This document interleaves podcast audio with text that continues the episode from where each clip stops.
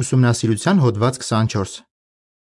Այս հոդվածը կուսումնասիրվի օգոստոսի 9-ից 15-ն ընկած ժամանակահատվածում։ Դու կարող ես ազատվել սատանայի թակարդներից։ Բնաբան Ազատվենք բանսարկուի թակարդից։ 2 Տիմոթեոս 2:26 Երկ 36 Պահպանենք մեր սիրտը։ Այս հոդվածում Սատանան հմուտ որսորդի պես փորձում է ծուղակը գցել մեզ։ Անկախ նրանից, թե որքան երկար ենք ծառայում Եհովային, հնարավոր է նրա թակարդը ընկնենք։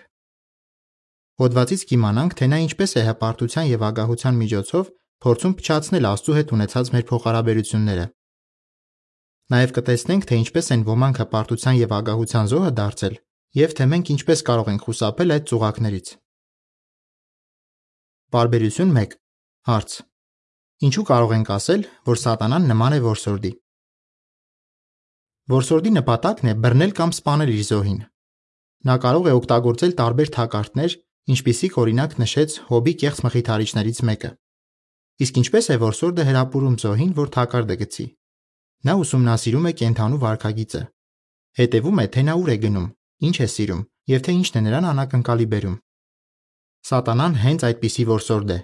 Նա ուսումնասիրում է մեր վարքագիծը, գործողությունները եւ հետաքրքրությունները։ Իսկ հետո թակարդ է լարում, հույս ունենալով, որ մեզ ծուղակը կգցի եւ կենթանի կբռնի։ Սակայն Աստվածաշունչը հավաստիացնում է, որ եթե անգամ ընկնենք նրա ծուղակը, կկարողանանք ազատվել։ Աստծո խոսքից նաև իմանում ենք, թե ինչպես կարող ենք ընդհանրապես խուսափել սատանայի թակարդներից։ Բարբերություն 2 Հարց. Որոնք են սատանայի արդյունավետ ծուղակներից երկուսը։ Սատանայի արդյունավետ ծուղակներից են հպարտությունը եւ ագահությունը։ Ծանոթագրություն։ Բառամեկնություն։ Հպարտությունը այն հատկությունն է, որը դրթում է անհատին իրեն բարձր դասել մյուսներից։ Իսկ ագահությունը դրսևորվում է փողասիրությամբ, իշխանատենչությամբ, սեռական ցանկությունները բավարարելու մոլուցքով եւ նման այլ բաներով։ Ծանոթագրության ավարտ։ Հազարավոր տարիներ նա հաջողությամբ օգտագործել է այս երկու թակարդները։ Նա նման է թռչնորսի, որը զոհին բռնելու համար թակարդ է լարում կամ ցանց նետում նրա վրա։ Բայց մենք կարող ենք խուսափել սատանայի ծուղակն ընկնելուց։ Ինչու ենք այդպես ասում։ Քանի որ Եհովան հայտնել է մեզ սատանայի գործելակերպի մասին։ Նկար։ Պարբերություն 2։ Եղբայրը հպարտություն դրսևորելով մերժում է իմաստուն խորհուրդը։ Քույրը, որ շատ իրեր ունի, ցանկանում է ավելին ձեռք բերել։ Նկարի մակագրություն։ Հպարտությունն ու ագահությունը սատանայի արդյունավետ ծուղակներից են։ Պարբերություն 3 Հարց. Ինչու է Եհովան Աստվածաշնչում գրել տվել այնպիսի մարդկանց օրինակներ, ովքեր դարձել են հպարտ կամ ագահ։ Եհովան տարբեր կերպերով օգնում է մեզ զգուշանալ հպարտությունից եւ ագահությունից։ Նա իր խոսքում գրել է տվել նախազգուշական օրինակներ, որոնցից կարող ենք դասեր քաղել։ Սատանային հաջողվել է ծուղակը գցել նույնիսկ նրանց, ովքեր երկար տարիներ հավատարմորեն ծառայել են Եհովային։ Արդյոք դա նշանակում է, որ անհնար է խուսափել նրա ծուղակներից։ Ամենևին, այդ օրինակները մեզ զգուշացում լինելու համար են։ Առաջին Կորինթացիներ 10:11։ Եհովան գիտի, որ կարող ենք դասեր քաղել այդ նախազգուշական օրինակներից եւ ազատվել կամ ընդհանրապես խուսափել սատանայի թակարդներից։ Նկար։ Պարբերություն 3։ Աստծո ոգեղեն որդիներից մեկը եւ Օզիա թագավորը հպարտացան։ Ագահությունից դրթված Եվան կերավ արգելված պտղից։ Դավիթը շնություն գործեց Բերսաբեի հետ, Հուդան գողություն արեց փողի արքից։ Նկարի մակագրություն։ Նախազգուշական օրինակներից դասեր քաղելով կարող ենք խուսափել կամ ազատվել սատանայի թակարդներից։ Հպարտություն։ Պարբերություն 4։ Հարց. Ինչի կարող է տանել հպարտությունը։ Սատանան ուզում է, որ հպարտ դառնանք։ Նա գիտի, որ եթե հպարտանանք, կդառնանք իր պես եւ կկորցնենք հավիտենական կյանքի հեռանկարը։ Պողոս առաքյալը նախազգուշացրեց, որ մարդը կարող է հպարտությամբ լցվել ու ընկնել այն դատաստանի տակ, որը բանսարկուի համար է վճռված։ Առաջին Տիմոթեոս 3:6 եւ 7։ Դա կարող է լինել յուրաքանչյուրիս հետ։ Անկախ նրանից նոր ենք ճշմարտության մեջ, թե երկար տարիներ է ինչ ծառայում ենք Եհովային։ Պարբերություն 5 Հարց. ըստ ժողովող 7-ի 16 եւ 20 համարների, ինչպես գուցե դրսևորվի հպարտությունը։ Հպարտությունը եսասիրության դրսևորումներից է։ Սատանան ուզում է, որ եսասեր դառնանք եւ ավելի շատ ապավինենք ինքներս մեզ, քան Եհովային, հատկապես դժվարությունների ժամանակ։ Օրինակ, երբևէ եղել է, որ քեզ անհիմն մեղադրեն ինչ-որ բանում։ Իսկ եղել է, որ անարթարացիորեն վարվեն քեզ հետ։ Սատանան շատ է ուզում, որ նման իրավիճակներում հայտնվելիս մեղադրես Եհովային եւ հավատակիցներիդ։ Նա նաեւ ցանկանում է, որ մտածենք, թե մեր խնդիրների միակ լուծումը մեր հասկացողությանը վստահելն է, ոչ թե Աստծո խոսքում տրված առաջնորդությանը հետևելը։ Կարդանք Ժողովող 7:16-ը եւ 20-ը։ Ժողովող 7:16 Չափից դուրս արդար մի եղիր, ու ինքդ քեզ չափազանց իմաստուն մի ցույց տուր։ Ինչի համար կործանես քեզ։ 7:20 Երկրի վրա ոչ մի արդար մարդ չկա, որ միայն բարի քանի ու մեղ չգործի։ Բարբերություն 6 Հարց. Ինչ է սովորում Նիդերլանդներում ապրող մի քրոջ օրինակից։ Նկատի առնենք Նիդերլանդներում ապրող քույրերից մեկի օրինակը։ Ուրիշների թերությունները նյարդայնացնում էին նրան, եւ նա որոշեց, որ այլևս չի հանդուրժելու դա։ Քույրը պատմում է. Ես ինձ շատ միայնակ էի զգում եւ չէի կարողանում ներել հավատակիցներիս։ Ամուսնուս ասացի, որ պետք է տեղափոխվենք ուրիշ ժողով։ Սակայն հետո նա դիտեց JW հերարցակման 2016 թվականի մարտի թողարկումը։ Այնտեղ կային որոշ առաջարկներ, թե ինչ կարելի է անել ուրիշների թերություններին բախվելիս։ Քույրն ասում է. Հասկացա, որ պետք է խոնար եւ անկեղծ լինեմ ու ձգտեմ շտկել իմ թերությունները, ոչ թե փորձեմ փոխել հավատակիցներիս։ Հերարցակման ծրագիրը օգնեց ինձ կենտրոնանալ Եհովայի եւ նրա գերիշխանության վրա։ Ինչ կարող ես սովորել։ Խնդիրների բախվելիս կենտրոնացիր Եհովայի վրա։ Աղաչիր նրան, որ օգնի քեզ ուրիշներին նայել իր տեսանկյունից։ Քո երկնային հայրը տեսնում է նրանց սխալները, բայց ներում է նրանց։ Նա ուզում է, որ դու էլ այդպես վարվես։ Պարբերություն 7 Հարց. Ինչ պատահեց Օզիա թագավորին։ Հպարտության պատճառով Հուդայի Օզիա թագավորը մերժեց խորհուրդը եւ հանդգնորեն վարվեց։ Օզիան շնորհալի թագավոր էր։ Նա ընդարձակել իր տիրապետության տակ գտնվող տարածքները, ձեռնարկել տարբեր շինարարական աշխատանքներ եւ երկրում զարգացրել գյուղատնտեսությունը։ Ճշմարիտ Աստվածը նրան հաջողություն էր տալիս։ Երկրորդ տարեգրություն 26-ի 3-ից 7 եւ 10։ Բայց Աստվածաշնչում ասվում է, որ երբ Օզիան հզորացավ, նրա սիրտը հպարտացավ, եւ հենց դա էլ կործանեց նրան։ Երկրորդ տարեգրություն 26-ի 16-ից 21։ Եհովան ասել էր, որ միայն քահանաներին է թույլատրվում խունկ մատուցել տաճարում։ Սակայն Օզիա թագավորը հանդգնությամբ վարվեց եւ մտավ տաճար, որ เป զի խունկ ծխի։ Եհովային դա դուր չեկավ, եւ նա այդ հպարտ մարդուն բորոտությամբ հարվածեց։ Օզյան մինչև կյանքի վերջ բորոտ մնաց։ Պարբերություն 8 Հարց. Առաջին Կորինթացիներ 4-ի 6 եւ 7 համարների համաձայն ինչպես կարող ենք խուսափել հպարտությունից։ Հնարավոր է հպարտությունը մեզ էլ գցի այն նույն ծուղակը, որի մեջ ընկավ Օզիա թագավորը։ Նկատի առնենք Խոսեի օրինակը։ Նա հաջողակ բիզնեսմեն էր եւ հարգված երեց ժողովում։ Խոսեն համաժողովների ժամանակ ելույթներ էր ունենում, իսկ շրջանային վերակացուները խորհուրդ էին հարցնում նրանից։ Նա ասում է. Ես ապավինում էի սեփական ուժերիս եւ իմ փորձին։ Տեսադաշտիցս կորցրել էի Եհովային։ Կարծում էի, թե ուժեղ եմ եւ չէի հետևում Եհովայի նախազգուշացումներին ու խորհուրդներին։ Ի վերջո Խոսեն լուրջ մեղք գործեց եւ զրկվեց ընկերակցությունից։ Մի քանի տարի առաջ նա վերականգնվեց։ Խոսեն ասում է. Եհովան ինձ սովորեցրեց, որ կարևորը ոչ թե դիրքն ու հեղինակությունն է, այլ նրա ասածները անելը։ Եկեք հիշենք, որ մեր ունակությունները եւ ժողովում ստացած առանձնահատկությունները Եհովայից են։ Եթե հպարտանանք, պիտանի գործիք չենք լինի Եհովայի ձեռքում։ Կարդանք առաջին Կորինթացիներ 4-ի 6-ը եւ 7-ը։ Եղբայրներ, այս բաները իմ եւ Ապողոսի վրա օրինակ բերեցի ձեզ համար, որ մեր օրինակով սովորեք այս սկզբունքը. գրվածից այն կողմ մի անցեք, որ เป զի ձեզանից ոչ ոք չհպարտանա, մեկին մյուսից առավել համարելով։ Դու ինչով ես առավել մյուսներից։ Ունես մի բան, որ չես ստացել։ Եվ եթե ստացել ես, Ինչու ես པարծենում, ասես թե չես ստացել։ Ագահություն Պարբերություն 9 Հարց. Ագահության պատճառով ինչ արեցին Սատանան ու Եվան։ Ագահություն բառը լսելիս հավանաբար մեր միտքն է գալիս բանսարկու Սատանան։ Նա Եհովայի հրեշտակներից մեկն էր եւ ամենայն հավանականությամբ շատ առանձնահատկություններ ուներ։ Բայց նա ավելին էր ուզում։ Նա ցանկանում էր, որ իրեն պաշտեին։ Մի բան, որին միայն Եհովան է իրավան բաժանի։ Սատանան ուզում է մեզ իր նման դարձնել։ Ոստի փորձում է այնպես անել, որ չբավարարվենք մեր ունեցածով։ Առաջին անգամ նա այդպես վարվեց Եվայի հետ։ Եհովան Ադամին ու Եվային առատորեն ապահովել էր համեղ ուտելիքներով։ Նրանք կարող էին ուտել պարտեզի ամեն ծառից, բացառությամբ մեկի։ Ծննդոց 2:16։ Այնուամենայնիվ, Սատանային հաջողվեց խաբել Եվային եւ դրդել նրան մտածելու, որ նա կարիք ունի նաեւ ուտելու արգելված ծառի պտղից։ Եվան չբավարարվեց իր ունեցածով։ Նա ցանկացավ ավելին ունենալ։ Գիտենք թե արդյունքում ինչ եղավ։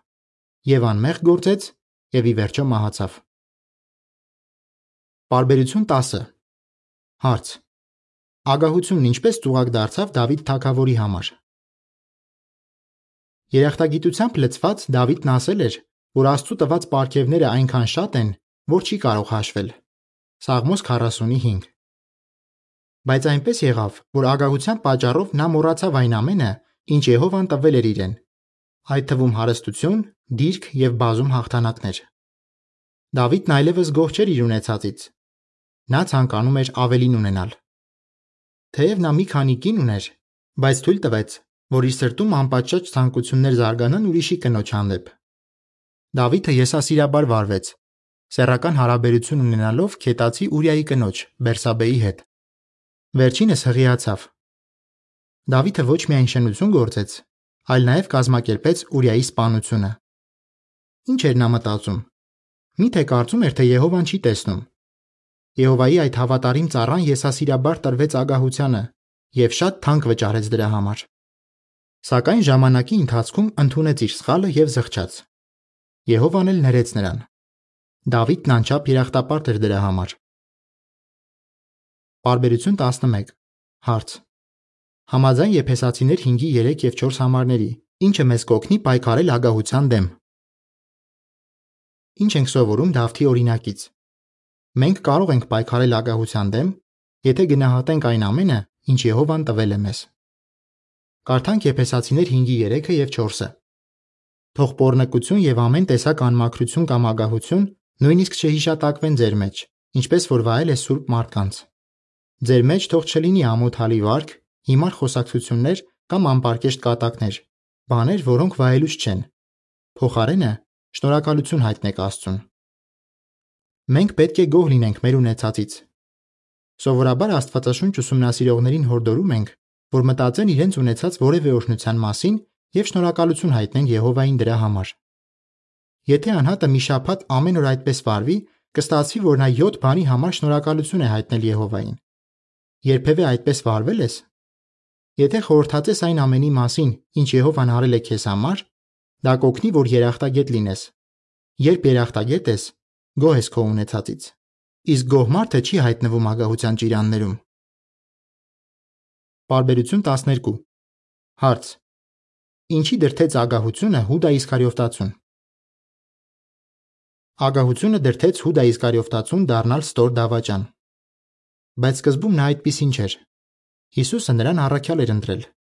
Հուդան ակներևաբար հուսալի եւ խելացի մարդ էր, քանի որ նրան էին վստահել փողի արքղը։ Հիսուսն ու իր առաքյալները այդ գումարն օգտագործում էին, որպեսզի փակեին ծառայության ժամանակ առաջացած ծախսերը։ Այդ նվիրատվությունները ինչ որ առումով կարելի է համեմատել համաշխարհային գործի համար արվող նվիրատվությունների հետ։ Սակայն Հուդան սկսեց գողանալ փողի արքղից։